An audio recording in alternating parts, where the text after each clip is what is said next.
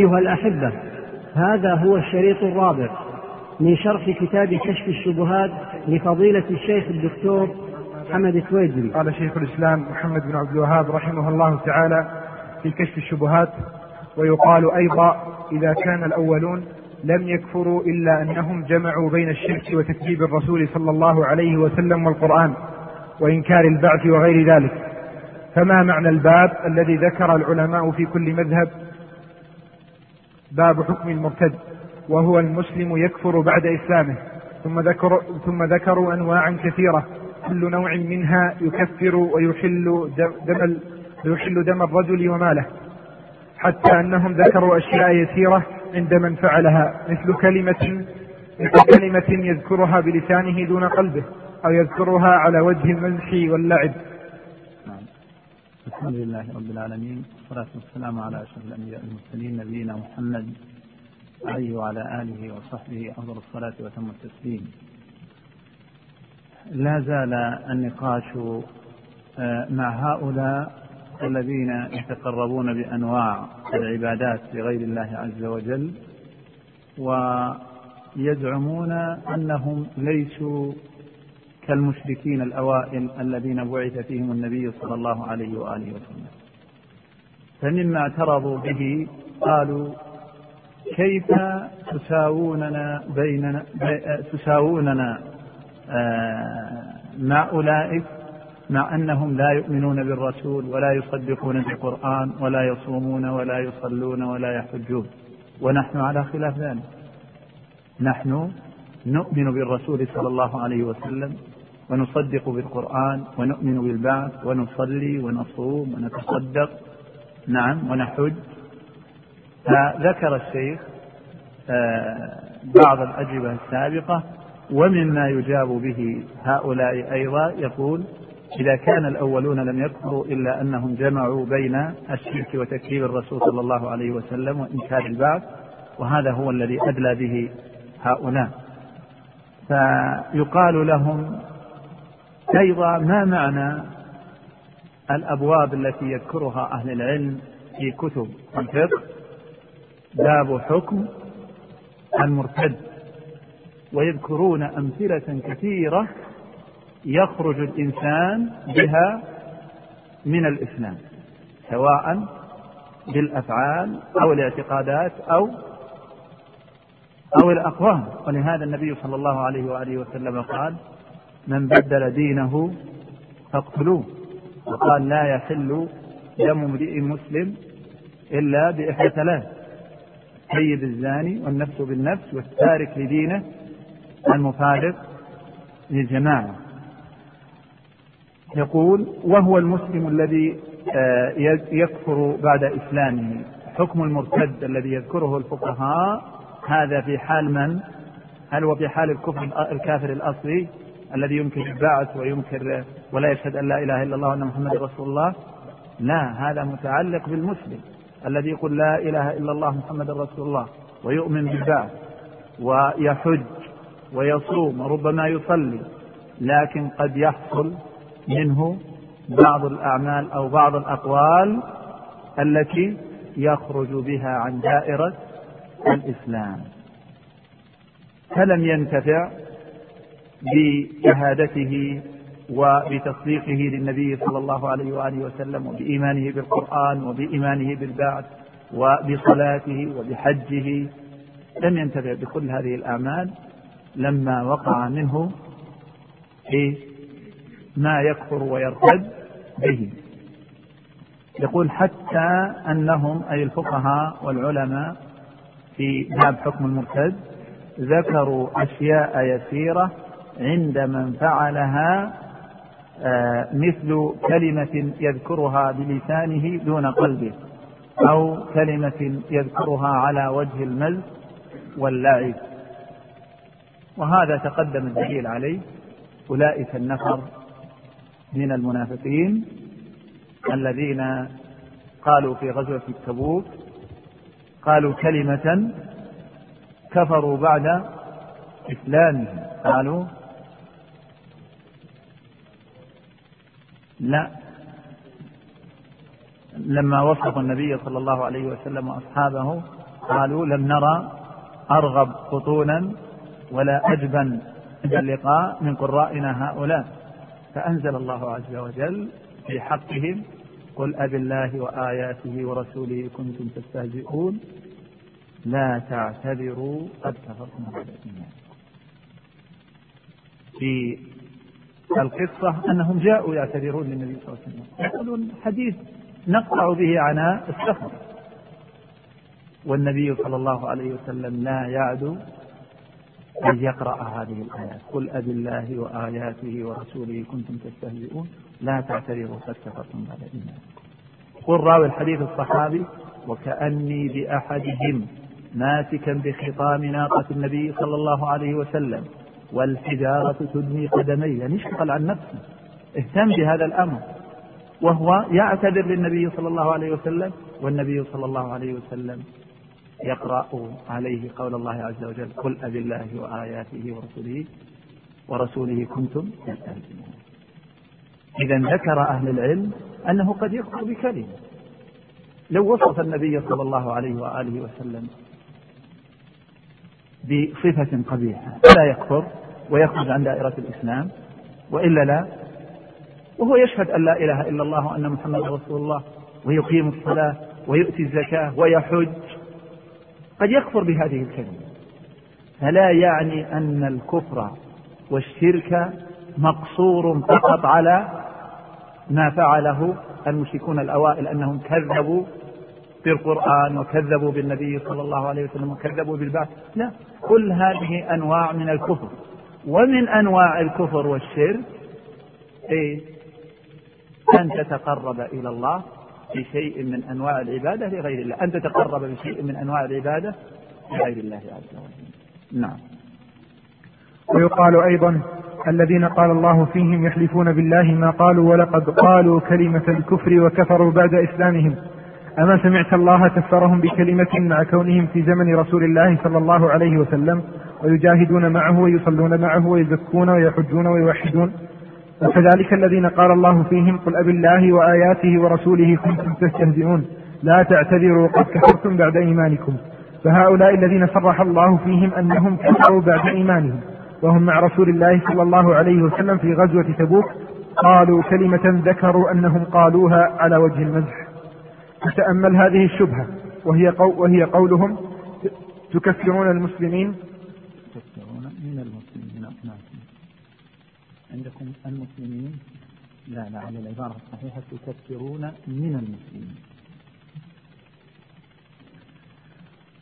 وهي قولهم تكفرون من المسلمين من المسلمين أناسا يشهدون أن لا إله إلا الله ويصلون ويصومون. ثم تأمل جوابها فإنه من أنفع ما في هذه الأوراق. نعم ذكر الشيخ أمثلة كيف يكفر الإنسان بكلمة يطلقها. ولهذا جاء في الحديث إن الرجل لا يتكلم بالكلمة من سخط الله. وفي رواية لا يلقي لها بالا يهوي بها في النار خمسين خليل. آه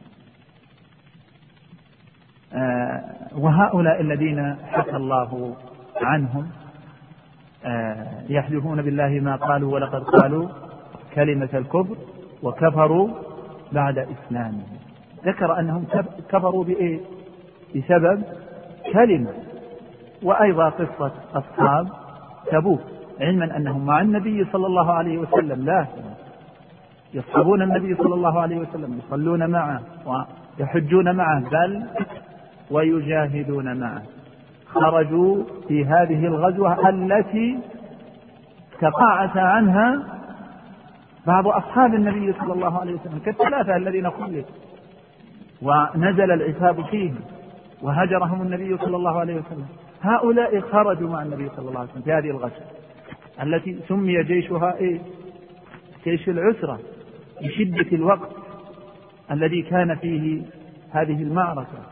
ولقوة وشراسة العدو ولبعد المسافة ولأنه جاء في وقت طابت فيه الثمار يعني آنت لقطافها وحصادها وطاب الظل ومع ذلك خرج هؤلاء مع الرسول صلى الله عليه وسلم ولم يشفع لهم ذلك.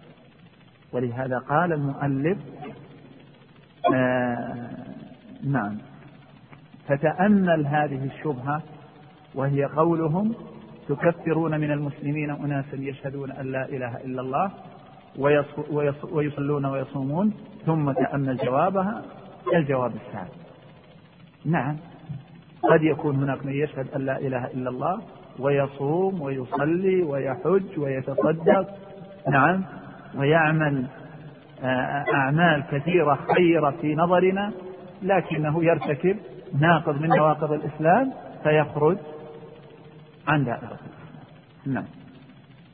ومن الدليل على ذلك أيضا ما حكى الله تعالى عن بني إسرائيل مع إسلامهم وعلمهم وصلاحهم أنهم قالوا لموسى اجعل لنا إلها كما لهم آلهة. وقول أناس من الصحابة اجعل لنا ذات أنواط فحلف النبي صلى الله عليه وسلم أن هذا نظير قول أن هذا نظير قول بني إسرائيل لموسى اجعل لنا إلها. ولا يقول أيضا من الأدلة على أن الإنسان قد يتكلم بالكلمة ويخرج بها عن الإسلام. فيقول انظر إلى بني إسرائيل الذين صحبوا موسى وخرجوا معه وصبروا على شدة فرعون وشدة الخروج. ومع ذلك لما جاوزوا البحر قالوا يا موسى اجعل لنا إلها آلهة فقد الإنسان يقول كلمة الكفر من حيث لا يشعر. موسى عليه السلام عذرهم بماذا؟ لأنهم قوم يجهلون. لكن الكلمة كفر لما هي كفر؟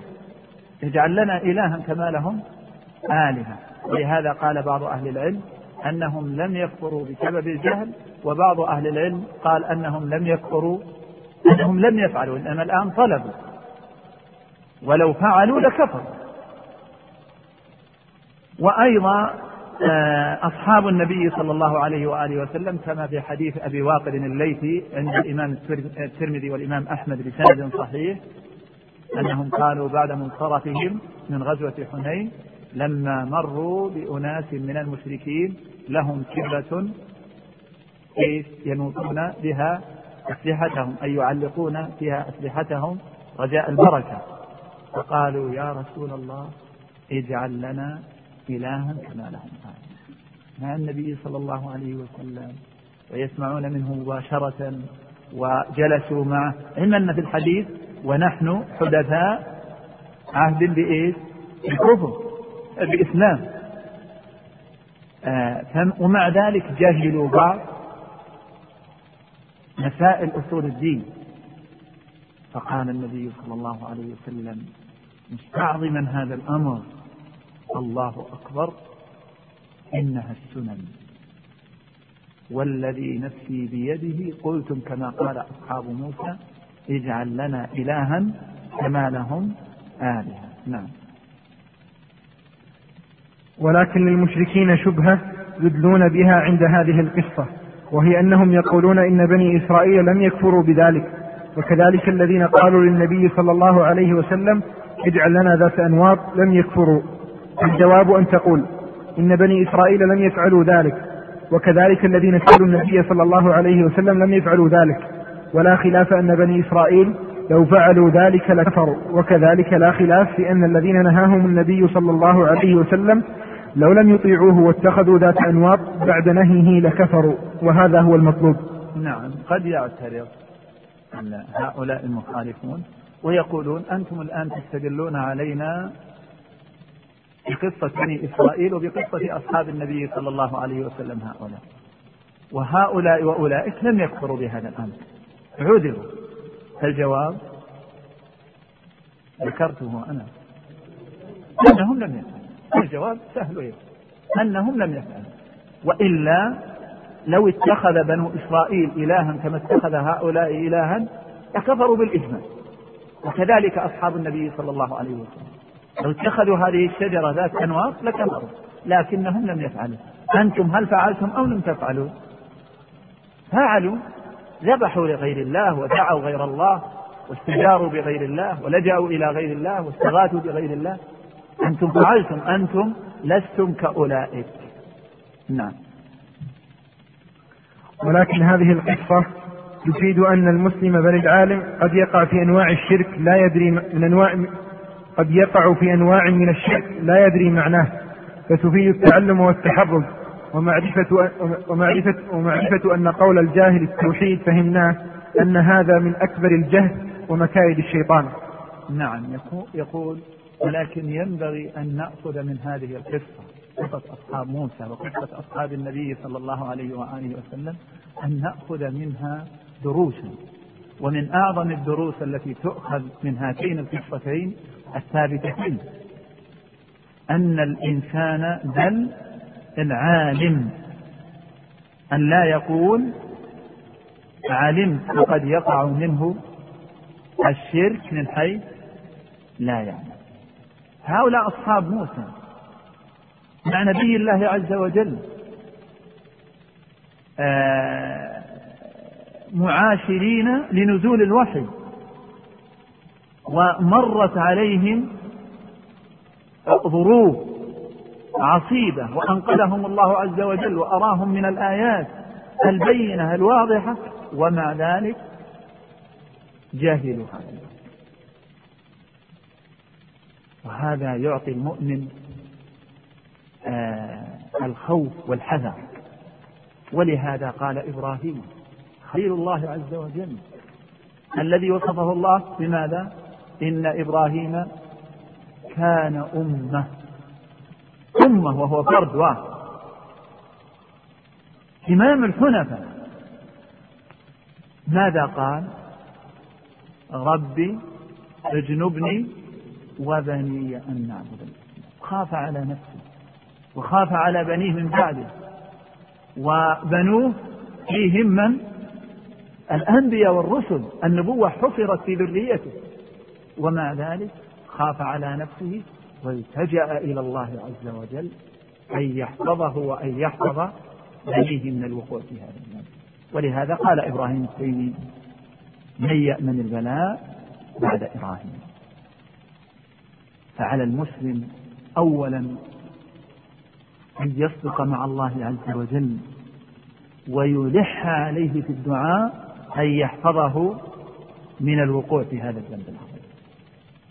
خاصة والنبي صلى الله عليه وآله وسلم أخبرنا وحذرنا أن الشرك في هذه الأمة واضح ظاهر بين؟ لا.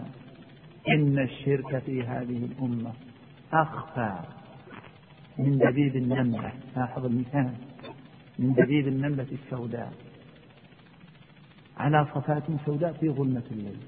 خفاء. ثم خفاء ثم خفاء. فهذا قد يخفى على كثير من الناس. وهذا يوجب الحذر يوجب الحيطة يوجب أن الإنسان يدمن على العلم والتعلم.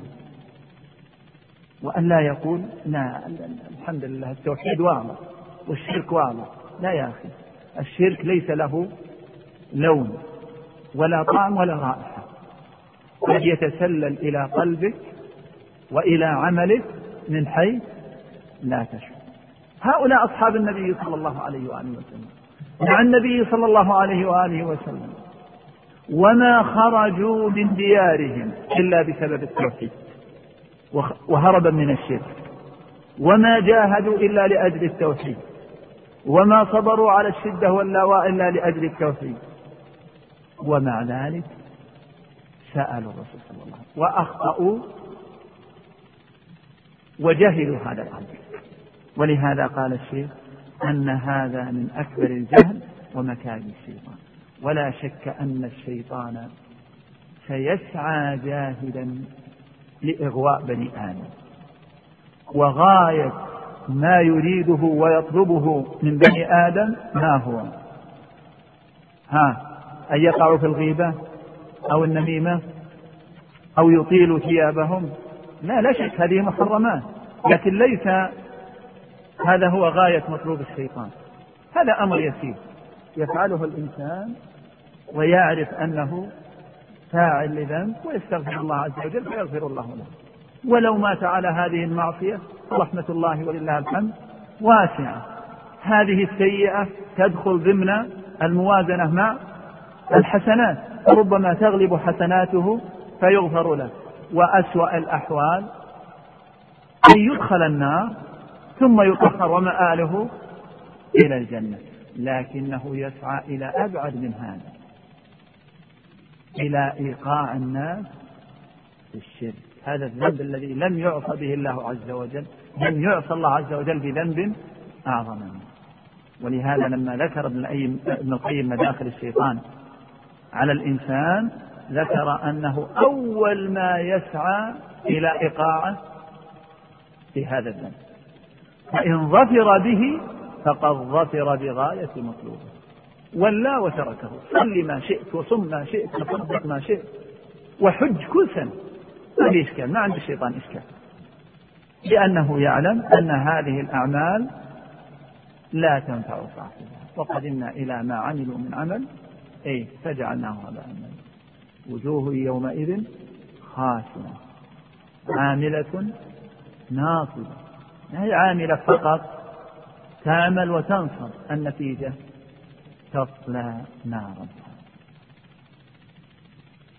وهنا يتبين منزلة علم التوحيد ومدارسة هذا العلم وتعلم هذا العلم والمداومة على ذلك. فلا يقول إنسان أنا علم نعم. وتفيد, وتفيد أيضا أن المسلم المجتهد إذا تكلم بكلام الكفر وهو لا يدري فنبه على ذلك وتاب من ساعته أنه لا يكفر كما فعل بنو إسرائيل والذين سألوا النبي صلى الله عليه وسلم. نعم وتفيد هاتين وتفيد هاتان القصتان أن المسلم المجتهد إذا تكلم آه، بكلمة كفرية أو زل لسانه بشيء من ذلك ثم نبه فانتبه وآب ورجع فإن الله عز وجل آه، لا يؤاخذه بذلك ويغفر له بسبب جهله. ولهذا النبي صلى الله عليه وآله وسلم كفر أصحابه هؤلاء وموسى أيضا ما كفر أصحابه وإنما اكتفى بقوله إنكم قوم تجهلون. الذي أوقعكم في هذا الأمر هو الجهل. نعم. ولهذا أمثلة أن الجاهل أو المتأول قد يرفع عنه الحكم حكم الكفر. وذكرنا هذا سابقا ولا بأس أن نؤكد على هذا الأمر ونذكر حتى أدلة أخرى. فمثلا آه، قصة الرجل الذي أسرف على نفسه.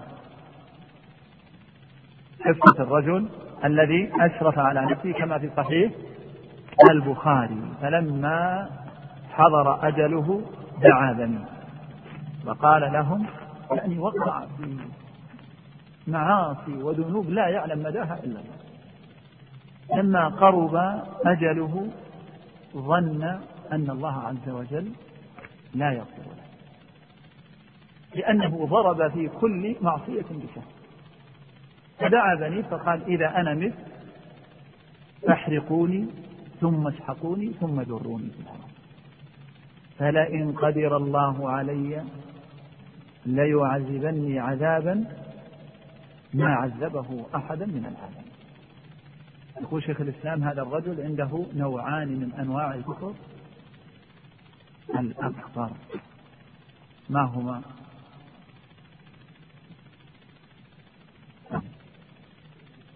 أحسنت. شك في قدرة الله.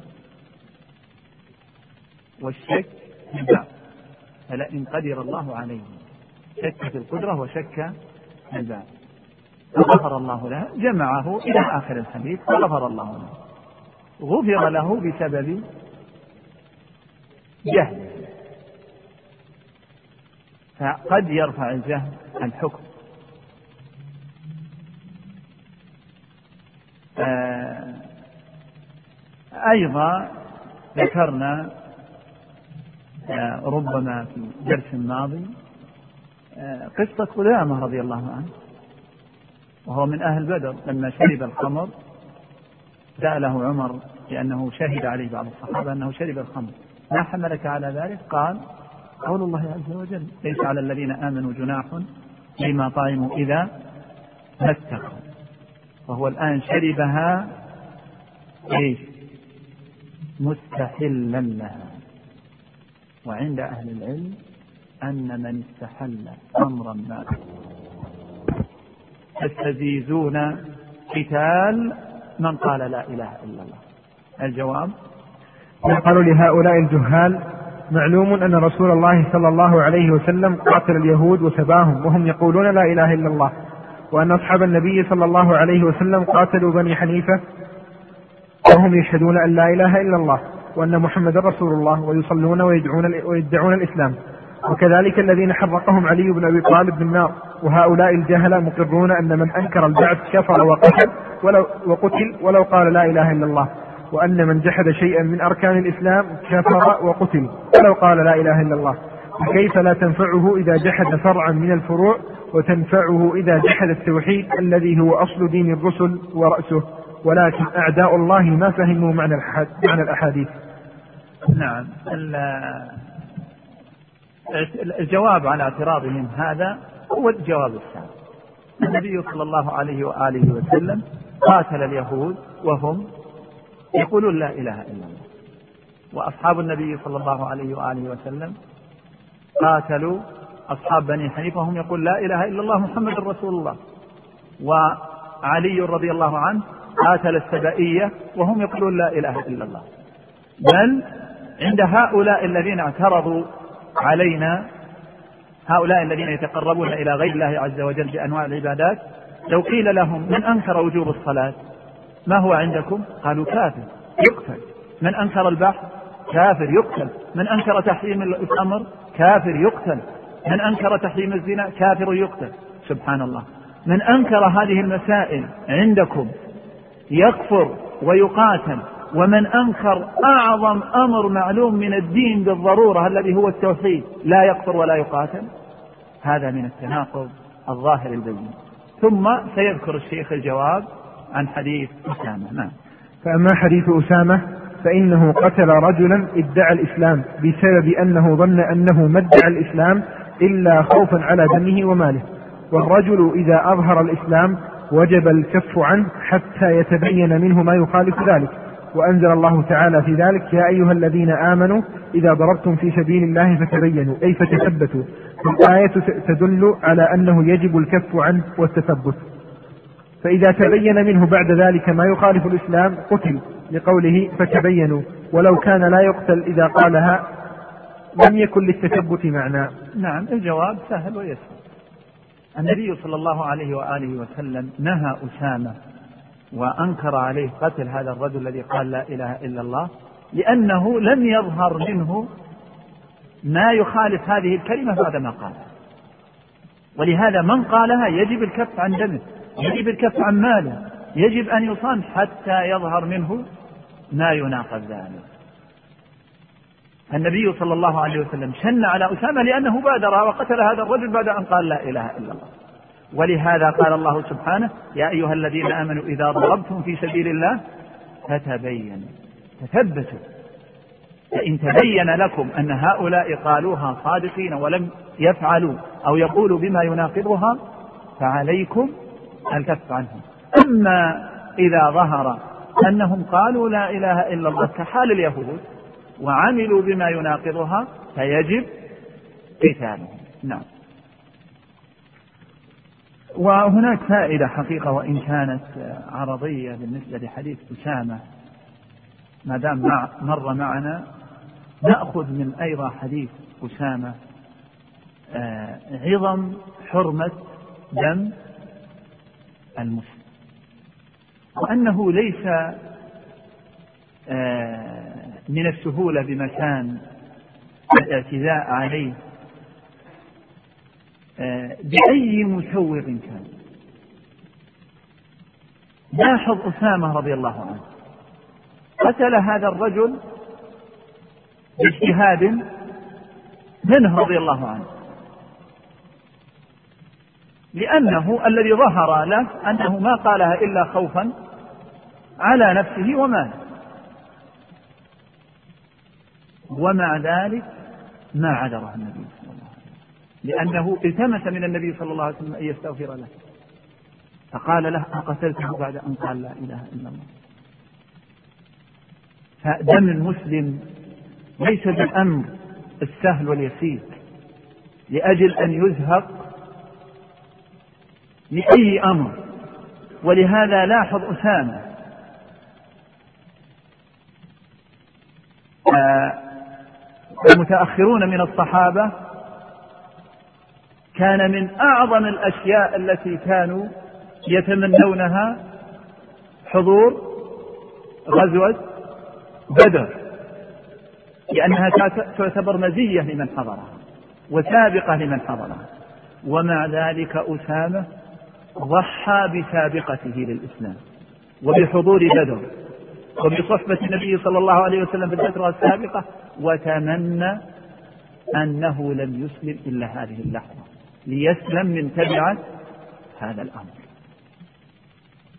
وهذا يأخذ منه المسلم عظم حرمة المسلم ومن أحياها فكأنما أحيا الناس جميعا. ولهذا قال النبي صلى الله عليه وسلم لا يزال المرء في فسحة من دينه ما لم إيش؟ يصب دم الحرام. يعني مهما فعل من الذنوب مهما فعل من الخطايا. ولهذا لم يذكر ذنب ما عدا الشرك وتوعد الله عز وجل عليه بمثل قتل لاحظ ومن يقتل مؤمنا متعمدا فجزاؤه جهنم خالدا فيها. وغضب الله عليه ولعنه لم يذكر في القرآن ذنب عليه هذا الوحيد سوى الشرك إلا القتل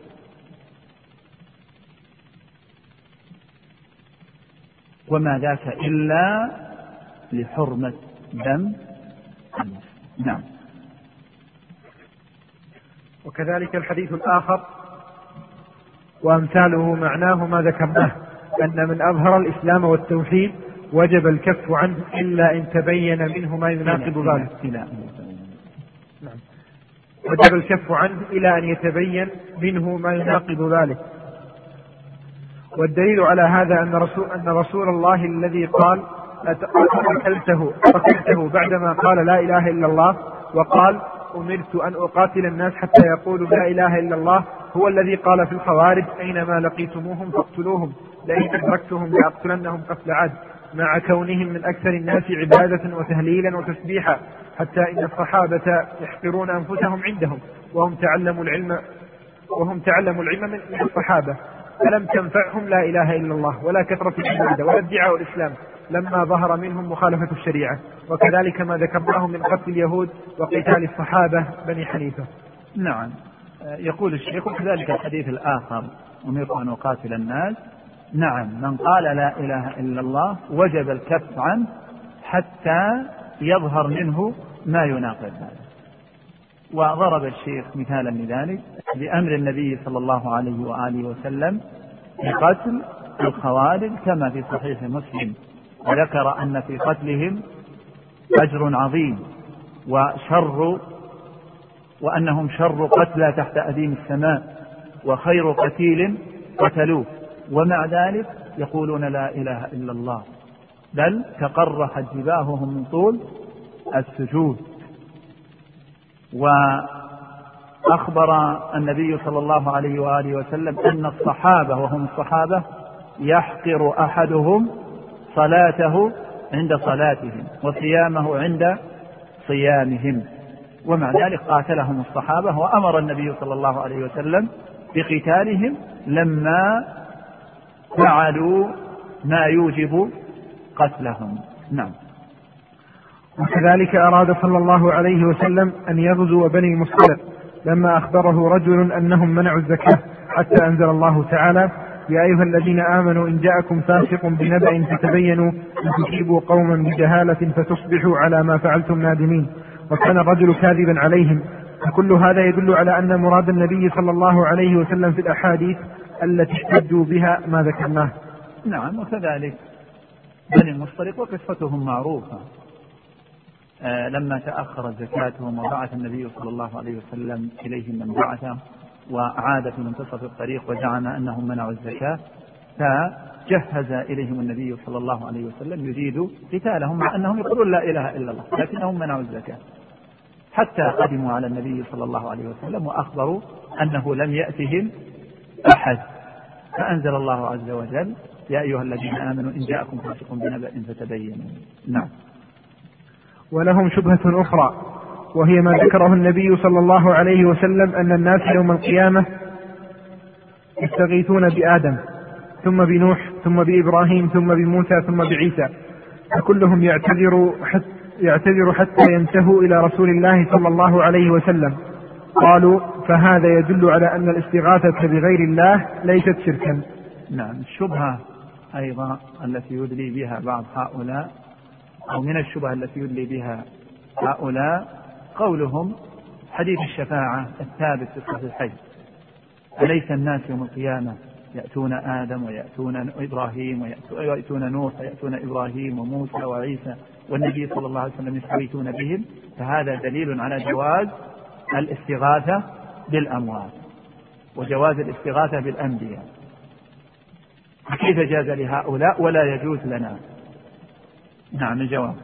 الجواب أن نقول سبحان من طبع على قلوب أعدائه فإن الاستغاثة بالمخلوق فيما لا يقدر عليه لا ننكرها كما قال تعالى في قصة موسى استغاثه الذي من شيعته على الذي من عدوه وكما يستغيث الإنسان بأصحابه في الحرب أو غيرها في أشياء يقدر, يقدر عليها المخلوق ونحن أنكرنا استغاثة العبادة التي يفعلونها عند قبور الأولياء أو في غب أو في غيبتهم في الأشياء التي لا يقدر عليها إلا الله.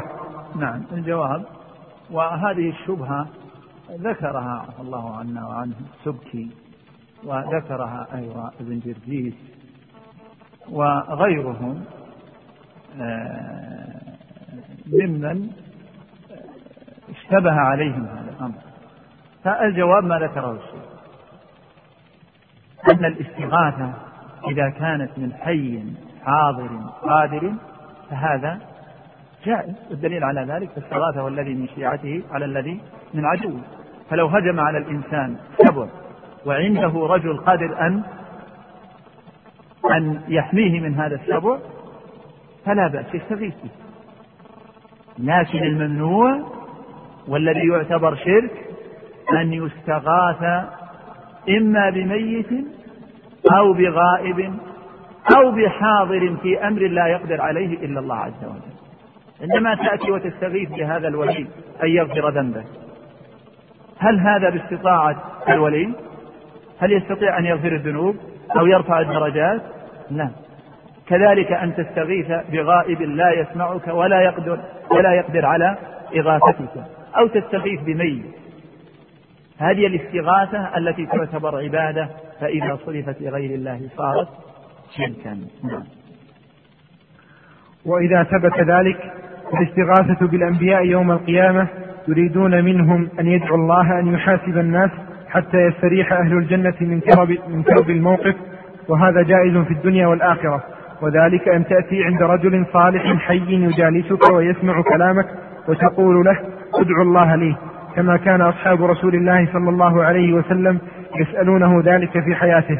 وأما بعد موته فحاشا وكلا أنهم سألوه ذلك عند قبره. بل أنكر السلف الصالح على من قصد دعاء الله عند قبره فكيف بدعائه نفسه؟ نعم. وهذا مثاله الاستغاثة بالحي الحاضر القادر مثل أن تذهب لعالم أن تذهب إلى أحد الأتقياء فتسأله أن يدعو لك.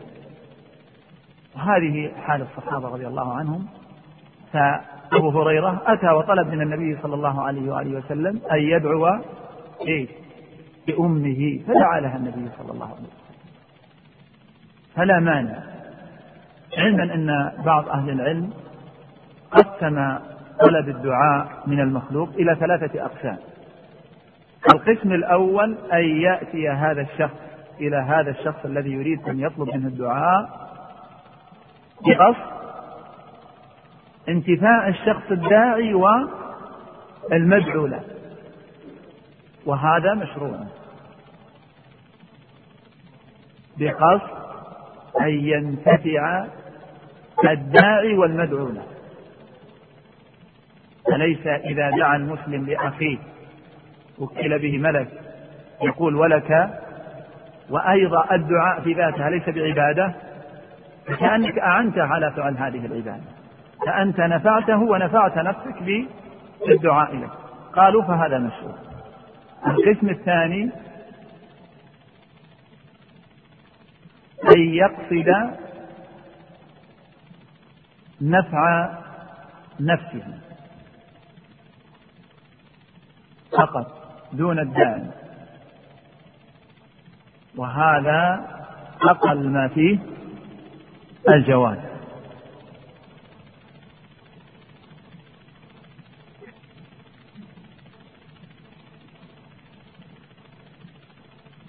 علما بأن الأولى التوكل على الله والإعتماد على الله عز وجل والتوجه إلى الله مباشرة لأنه لم يكن من هدي السلف.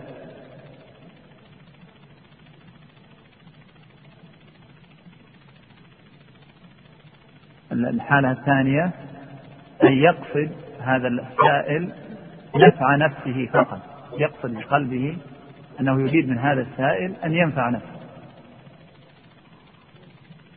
الحالة الثالثة حقيقة لم تحضرني الآن. إذا كان أحد يذكرها. على كل لا تحضرني الآن.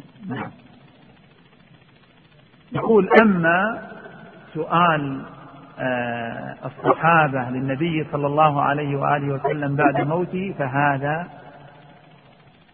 لم يكن ولا يكون ولم ينقل عن أحد من الصحابة أنهم توجهوا إلى النبي صلى الله عليه وآله وسلم بعد وفاته وطلبوا منه الدعاء. وقد نزلت بهم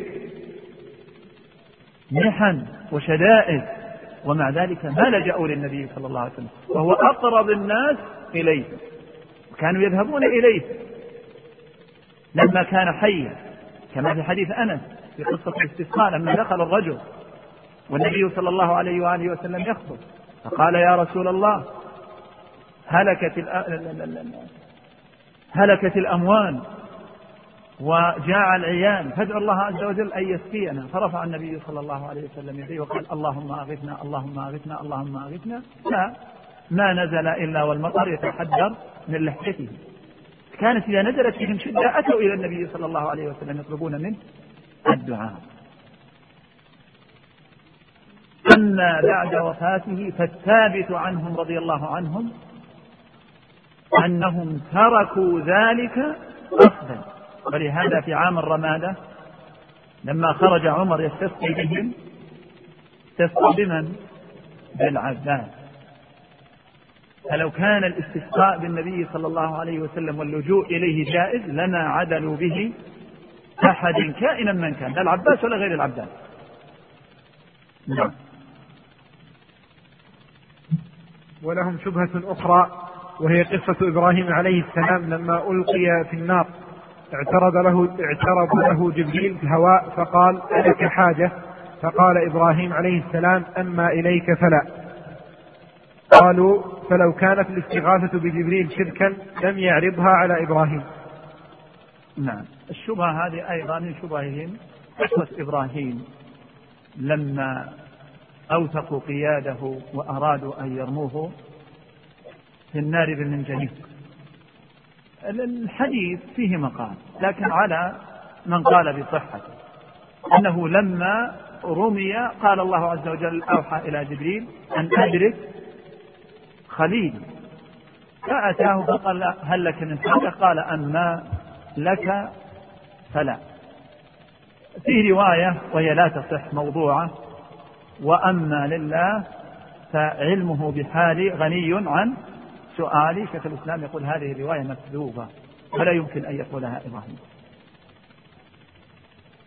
الشاهد أن هؤلاء استدلوا بهذه القصة على جواز الاستغاثة بغير الله عز وجل. فإبراهيم استغاث أو أرس آه، آه، الله عز وجل أغاث إبراهيم بجبريل. نعم. والجواب أن هذا من جنس الشبهة الأولى فإن جبريل جبريل عرض عليه أن ينفعه بأمر يقدر عليه. فإنه كما قال الله تعالى علمه شديد القوى. لو أذن الله له أن يأخذ نار إبراهيم وما حولها من الأرض والجبال ويلقيها في المشرق أو المغرب لفعل. ولو أمره أن يضع إبراهيم عليه السلام في مكان بعيد عنهم لفعل. ولو أمره أن يرفعه إلى السماء لفعل. وهذا كرجل غني له مال كثير. يرى رجلا محتاجا فيعرض عليه أن يقرضه أو أن يهبه شيئا يقضي به حاجته. فيأبى ذلك الرجل المحتاج أن يأخذه أن يأخذ ويصبر حتى يأتيه الله برزق لا منة فيه لأحد. فأين هذا من استغاثة العبادة والشرك لو كانوا يفقهون؟ نعم الشيخ يقول وليس لهم في هذه القصة متمسك لأن جبريل عرض إغاثته على إبراهيم وهو قادر ولا غير قادر؟ قادر. لأن الله عز وجل أعطاه من القوة والقدرة الشيء العظيم. ولهذا ذكر المؤلف هذه الافتراضات أنه لو شاء لأخذ إبراهيم ورفعه إلى السماء ولو شاء لأخذ النار والجبال والأرض التي فيها النار وأبعدها في أي صقع من الأرض. ولهذا يروى أنه حمل القرى اللوطية على جناحه حتى رفعهم إلى أن سمع أهل السماء صياح الديكة ثم قلبها عليهم. الله عز وجل وهبه هذه المقدرة. إذا هو قادر ولا غير قادر؟ الخلاف نحن معهم أن تطلب من غير قادر. نعم. ولنختم الكلام نعم وأيضا كونه حي قادر. نعم. ونختم الكلام إن شاء الله تعالى بمسألة عظيمة مهمة جدا. تفهم مما تقدم ولكن نفرد لها الكلام لعظم شأنها ولكثرة الغلط فيها. فنقول لا خلاف أن التوحيد لا بد أن يكون بالقلب واللسان والعمل. فإن اختل من هذا لم يكن الرجل مسلما فإن عرف التوحيد ولم يعمل به فهو كافر معاند كفرعون وإبليس وأمثالهما. نعم الشيخ ختم رسالته هذه القيمة بهذه القاعدة وإن كانت مضمنة في كلامه السابق لكن أعادها للتأكيد عليها ولإيضاحها وبيانها. يقول آه لا خلاف أن التوحيد لا بد أن يكون بالقلب واللسان والعمل وهذه عقيدة أهل السنة والجماعة.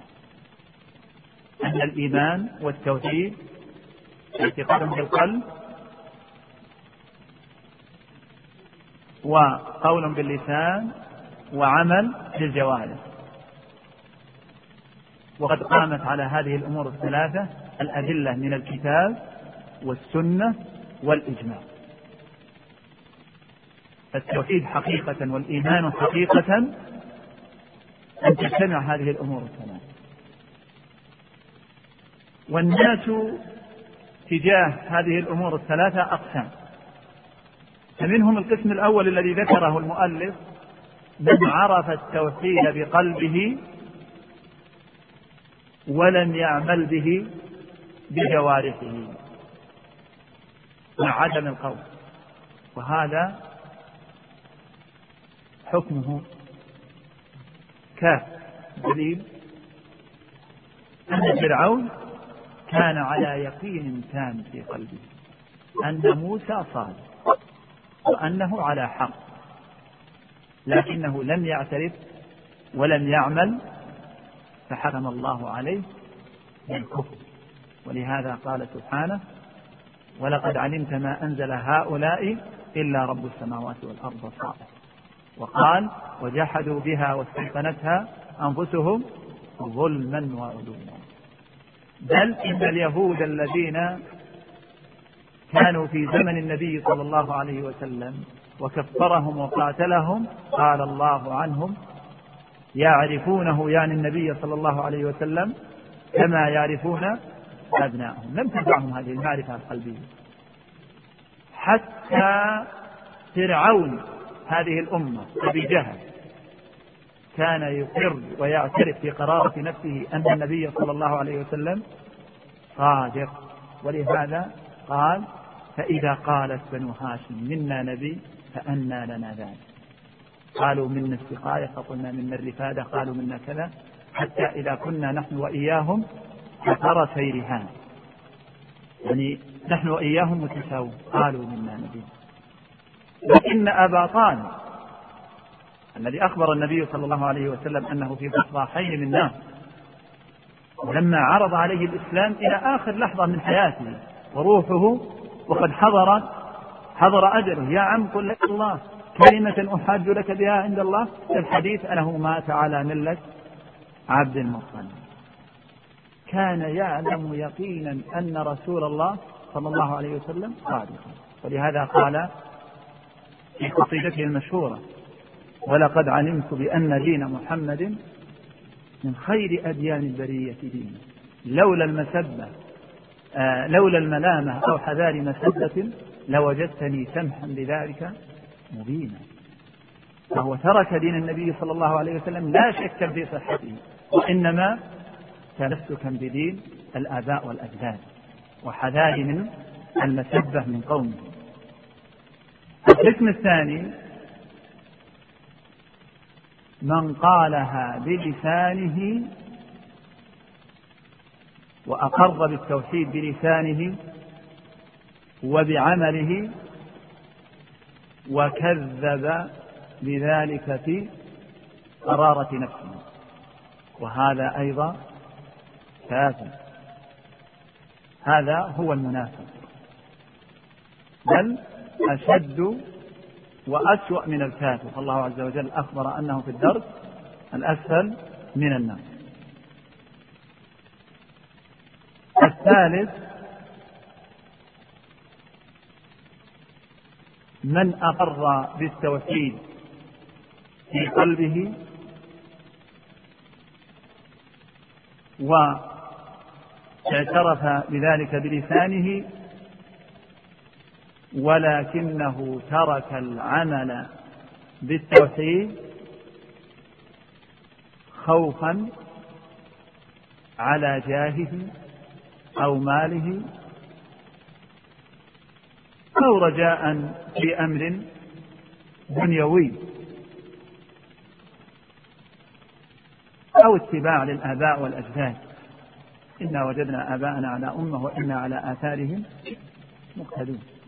فهذا أيضا قال أهل العلم أنه يكفر. الحالة الرابعة من أقر بها في قرارة نفسه. أقر بالتوحيد. واعترف بذلك بلسانه لكنه ترك العمل بذلك أو فعل أو تكلم بما يناقضه مكرها إكراه ملجئ. ملجئ لا خوف على منصب أو مال أو آه، مظنة أيضا. خوف لا. خوف متحقق ملزم فهذا معذور بقول الله عز وجل إلا من أكره وقلبه مطمئن بالإيمان. ولكن أهل العلم قالوا هذا الرجل أي حالاته أفضل أيصبر على القتل. ويتمسك بالتوحيد أم يتكلم بالكفر. على حسب حاله. قالوا هذا ينقسم إلى قسمين.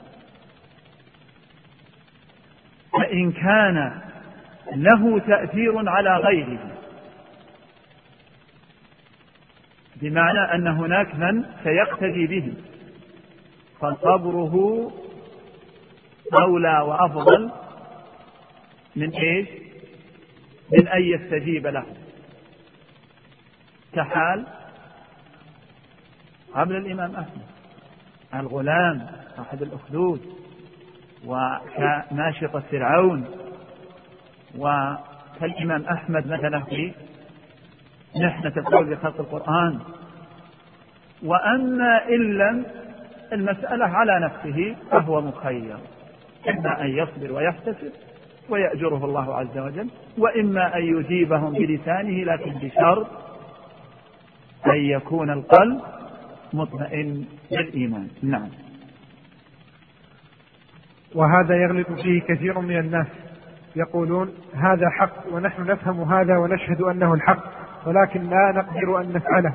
ولا يجوز عند أهل بلد بلدنا إلا من وافقهم وغير ذلك من الأعذار. نعم ولم هذا من الأقسام التي ذكرنا. هذا الرجل الذي يخيل إليه يعتقد في قلبه أنه حق. يقول لكن لا أستطيع أنني أغير ما عليه أهل بلدي وما من نشأت أو آه، آه، البيئة التي نشأت فيها. أو يخاف على ماله أو يخاف على جاهه. كحال هرقل كما في صحيح البخاري. ما الذي منعه من الإسلام؟ ولهذا قال لأبي سفيان إن كنت صادقا أو وددت آه وددت إن كنت صادقا ليملكن موضع قدمي هاتين. وجمع رجال الدين عنده وعرض عليهم الإسلام لكن لما خشي فلتان الملك منه ترك هذا الأمر خوفا على جاهه ومنصبه. نعم.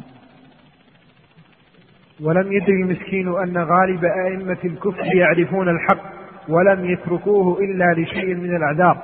كما قال تعالى اشتروا بآيات الله ثمنا قليلا وغير ذلك من الآيات كقوله يعرفونه كما يعرفون أبناءهم فإن علم التوحيد عملا ظاهرا. فإن عمل فإن عمل بالتوحيد.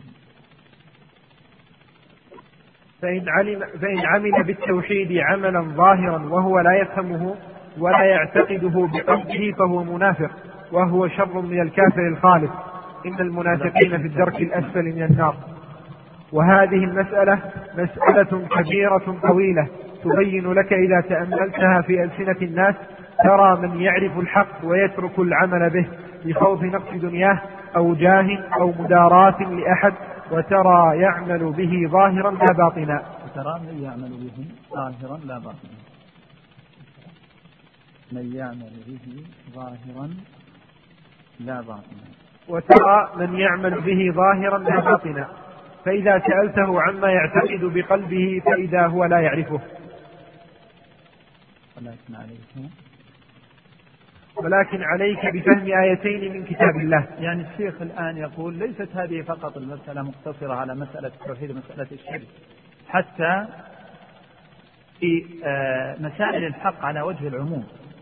ترى من يترك الحق أحيانا يترك السنة تبين له وتتضح أن هذا هو الثابت عن النبي صلى الله عليه وسلم أو أن هذا هو الأمر الذي أمر الله به عز وجل أو نهى عنه ومع ذلك يتقاعد لأجل ماذا؟ لأجل خوف على منصب أو خوف على جاه أو على دنيا أو خشية أن يتكلم الناس يقول الناس كذا يقول الناس كذا. ومن الناس من يعمل بالحق ظاهرا لكن لا يعرفه في قلبه. يجهل هذا الأمر في قلبه أن هذا هو الحق الذي يجب اعتقاده، أن هذا هو الحق الذي يجب العمل به، وإنما يعمله لأنه رأى الناس يعملون هذا الأمر عنه، نعم.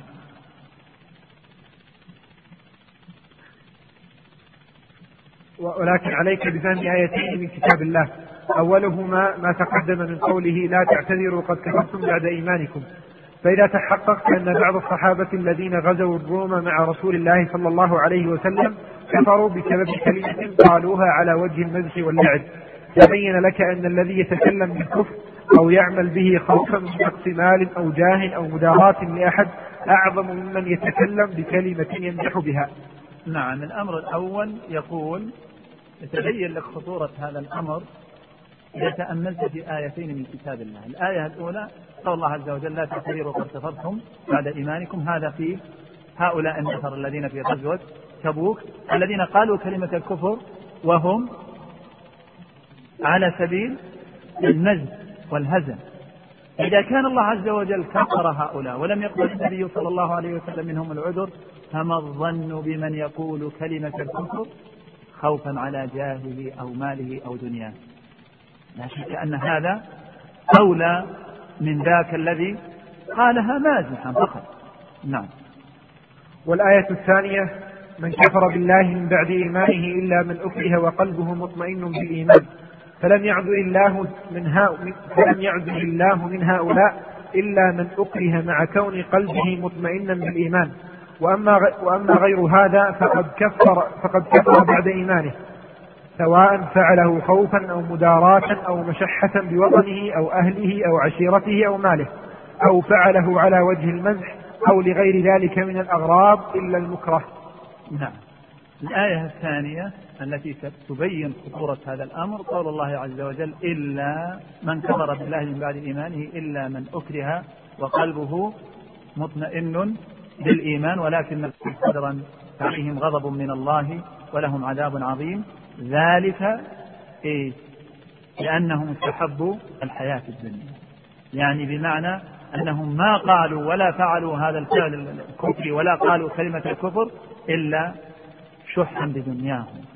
إما خشية أن يخرج من أرضه. والله عز وجل يسر له الخروج. فلم تكن أرض الله واسعة إيش وتهاجر فيها. فلا يجوز أن تقول كلمة الكفر وتبقى أو آه، حفاظا على البقاء في أرضك وبين عشيرتك. أيضا من الناس من يقول كلمة الكفر مداراة آه، أو خوفا على ماله أو خوفا على أهله فكل هذه الأعذار لا تجيز للإنسان أن يقول كلمة الكفر. إذا متى يجوز له أن يقول كلمة الكفر؟ ذكرناها في القسم الخامس. إكراه ملجئ متحقق وليس أوهام وتوهم من الشيطان. يأتي بعض الناس وللأسف حتى فيما كما ذكرت فيما دون الشرك. في فعل بعض أو ترك بعض الواجبات أو فعل بعض المحرمات. تقول له يقول الله أخشى أن يقع عليك كذا أخشى. كل هذه أوهام لا حقيقة لها. إخوانك ملأوا هذا البلد متمسكين بهذا الأمر. ومع ذلك ما حصل عليهم؟ هذه الأوهام التي هي من تلبيس الشيطان أو من تزيين النفس. وافق هوى في نفسه. هذا الأمر بين العبد وبين الله عز وجل. الإنسان لا يتعامل مع مخلوق مثله. يمكن أن يدلس عليه يمكن أن يكذب عليه. الله عز وجل يعلم خائنة الأعين وما تخفي الصدور. يعلم لماذا تركت هذا الأمر أو فعلت هذا الأمر المحرم فعلا هل هناك إكراه يلجئك إلى هذا الأمر أم المسألة تلبيس من الشيطان ومن النفس. نعم. والآية الثانية؟ لا الآية تدل فإذا تحقق؟ لا انتهينا منها فالآية تدل على هذا من جهتين. الأولى قوله إلا من أكره فلم يستثني الله إلا المكره. ومعلوم أن الإنسان لا يكره إلا على العمل أو الكلام. وأما عقيدة القلب فلا يكره أحد عليها. نعم. وأيضا ينبغي أن يضبط هذا الإكراه. الإكراه فقط في القول باللسان. ولهذا يقول المؤلف فلم يستثني الله عز وجل إلا المكره ومعلوم أن الإنسان لا يكره على آه، إلا على الكلام أو الفعل. أما عقيدة القلب فلا. لا يمكن. لو اجتمع أهل الأرض على إزالة ما في قلبك أو إكراهك على ما في قلبك ما استطاع. ولهذا الله عز وجل اشترط وقلبه مطمئن بالإيمان. أما إن تبع قول اللسان أو فعل الجوارح أيضا تصديق القلب فهذا لا يعذر ويعتبر بهذا الشكل خرج عن دائرة الإسلام. نعم. والثانية قوله تعالى ذلك بأنهم استحبوا الحياة الدنيا على الآخرة.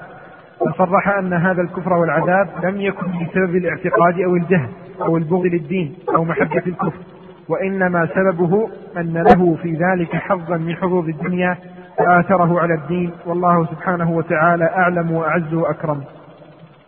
نعم.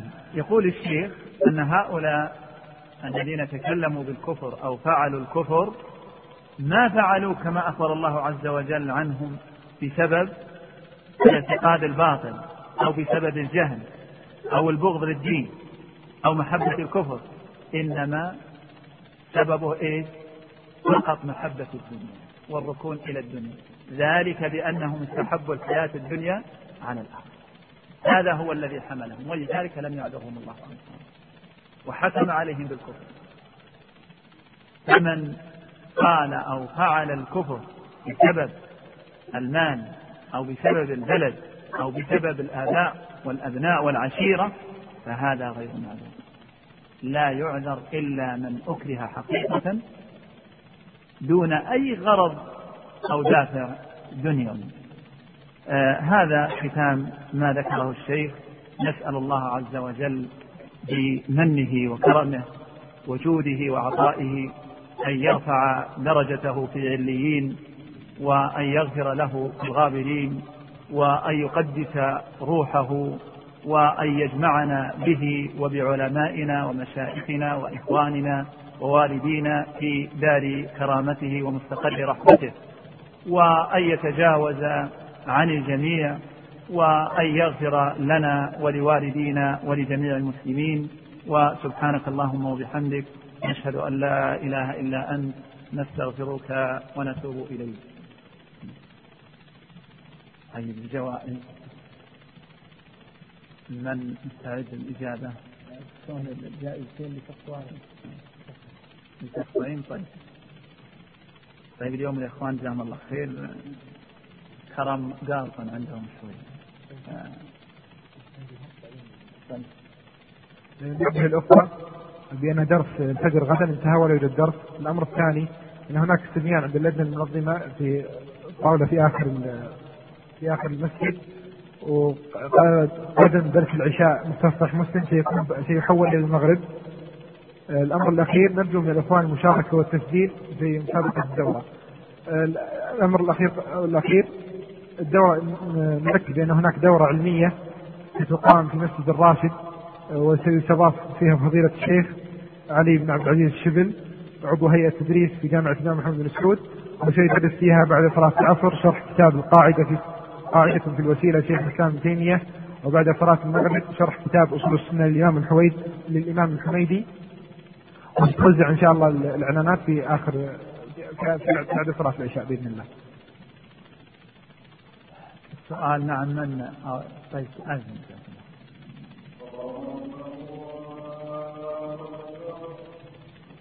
أذن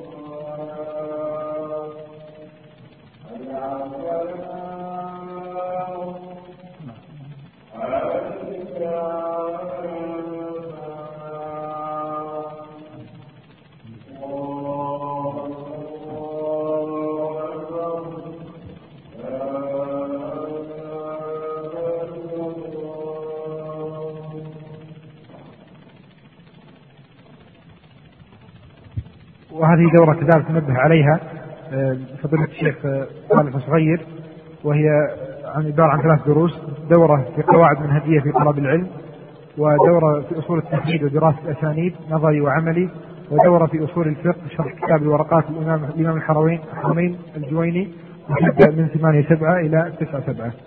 والله أعلم. طيب السؤال الأول أغلق ما بين أيديكم نعم من عنده استعداد الإجابة طيب.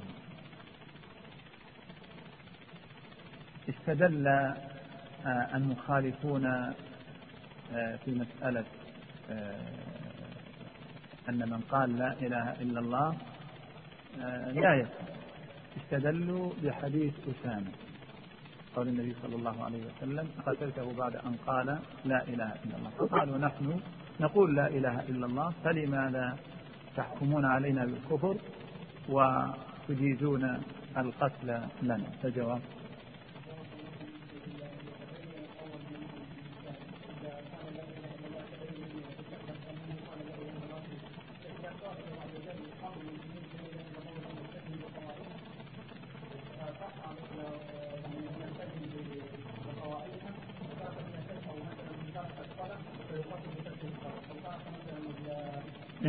الجواب عن الحديث كيف تجيب على هذه الشبهة.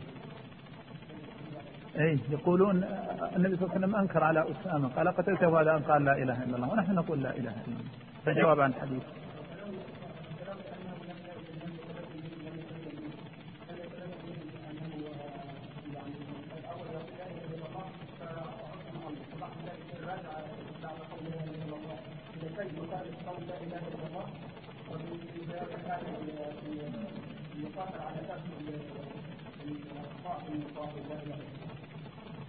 طيب نعطيك سؤال ثاني مكمل مكمل لسؤالك. أنت حولها تدندن. فاهم لكن ما استطعت تعبر طيب السؤال الثاني. يستدل هؤلاء أيضا أو لهم شبهة أخرى أن النبي صلى الله عليه وسلم لم يكفر أصحابه الذين قالوا اجعل لنا ذات أنوار كما لهم ذات أنوار. فالجواب عنه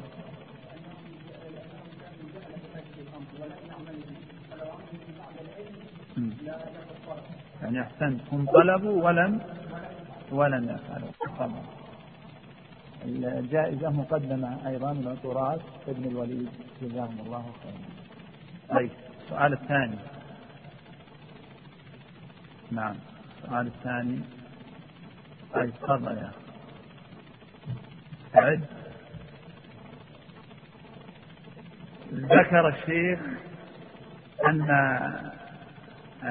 من لوازم آه، تحقيق التوحيد أن يقولها الإنسان بلسانه معتقدا ذلك بقلبه عاملا بمضمون ذلك. وذكرنا أن الناس خمسة أقسام في هذا. تذكرها أي اتجاه هذا الأمر.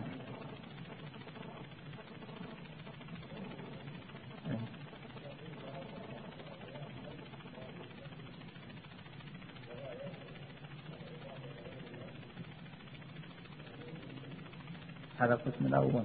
طيب. هذا القسم الأول. طيب. خطأ لكن خلينا نسمع القسم الثاني. طيب جزاك الله خير. لا تخانق يمكنك تارع جزاك الله خير. على كل من قال لا أدري نعم فقد أفتى جزاك الله خير. طيب. أنا عنده جواب. للضبط الشمالية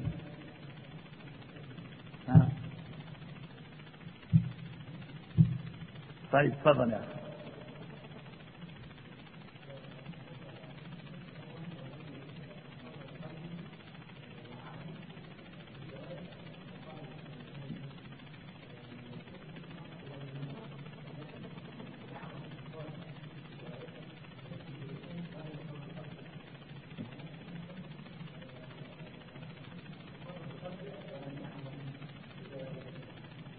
مثل؟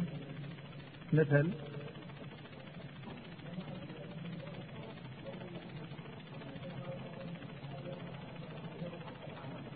لا مثل ضربنا إحنا أمثلة على أولئك اعترفوا وأقروا في قرابة أنفسهم. طيب نعمل بينكم صلح. نعم مثل مثل اليهود مثل فرعون طيب القسم الثالث الرابع أنت ذكرت كم؟ أنت ذكرت الذي قال اعتقد بقلبه وقال بلسانه وعمل بجوارحه والذي عمل وقال ولم يصدق بقلبه. والذي صدق بقلبه ولم يعمل ولم يقل. طيب الرابع.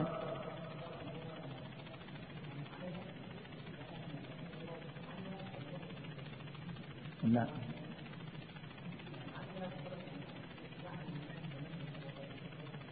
هذا هو المنافق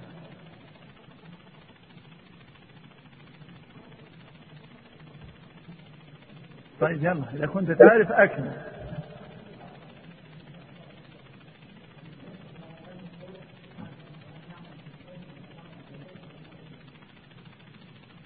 هذا غير هذا شواذ الخلق هؤلاء شواذ.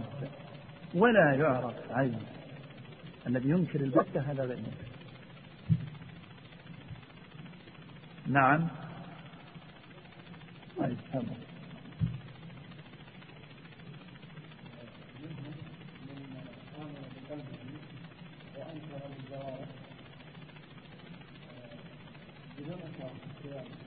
وهذا كافر كفرعون أقر بقلبه وأنكر طيب هذا القسم الأول، القسم الثاني القسم الثاني.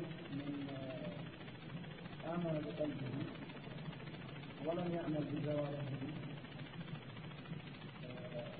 أو عفوا آمن بقلبه وقال بلسانه وعمل بجوارحه ولم يقر بقلبه وهذا وهذا المنافق طيب. القسم الثالث آمن بقلبه ولم يعمل. بجوارحه وكان مكرها هذا مسلم. وكذلك من آمن بقلبه وعمل ولفظ بلسانه وهذا مسلم. طيب. باقي واحد.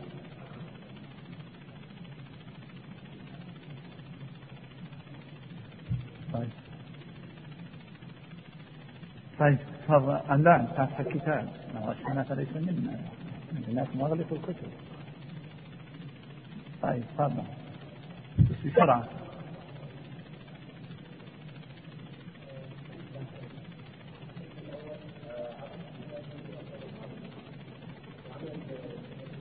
هذا المؤمن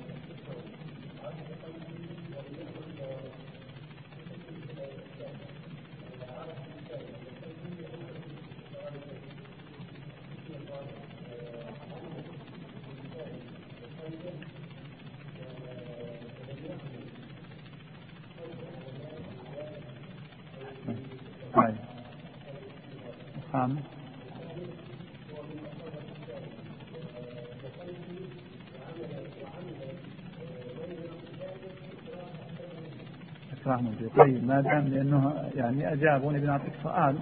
ما الدليل على أن من ترك التوحيد خوفا على ماله فإنه يكفر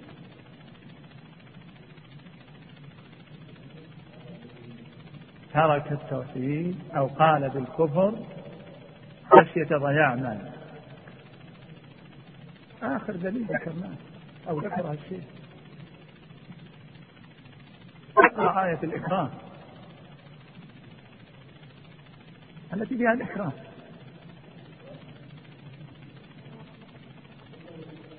طيب أكمل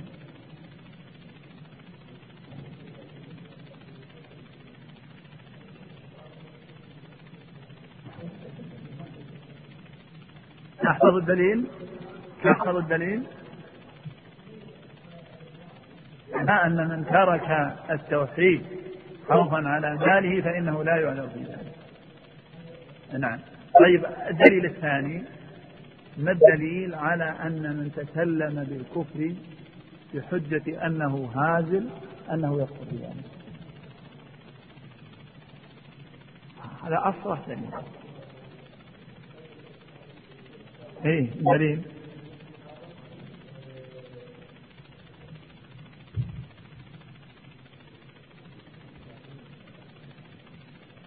في آية قل أب الله وآياته ورسوله كنتم تستهزئون. لا تعتذروا قد كفرتم. تفضل. الله أعلم. الله أعلم. الله وسلم على نبينا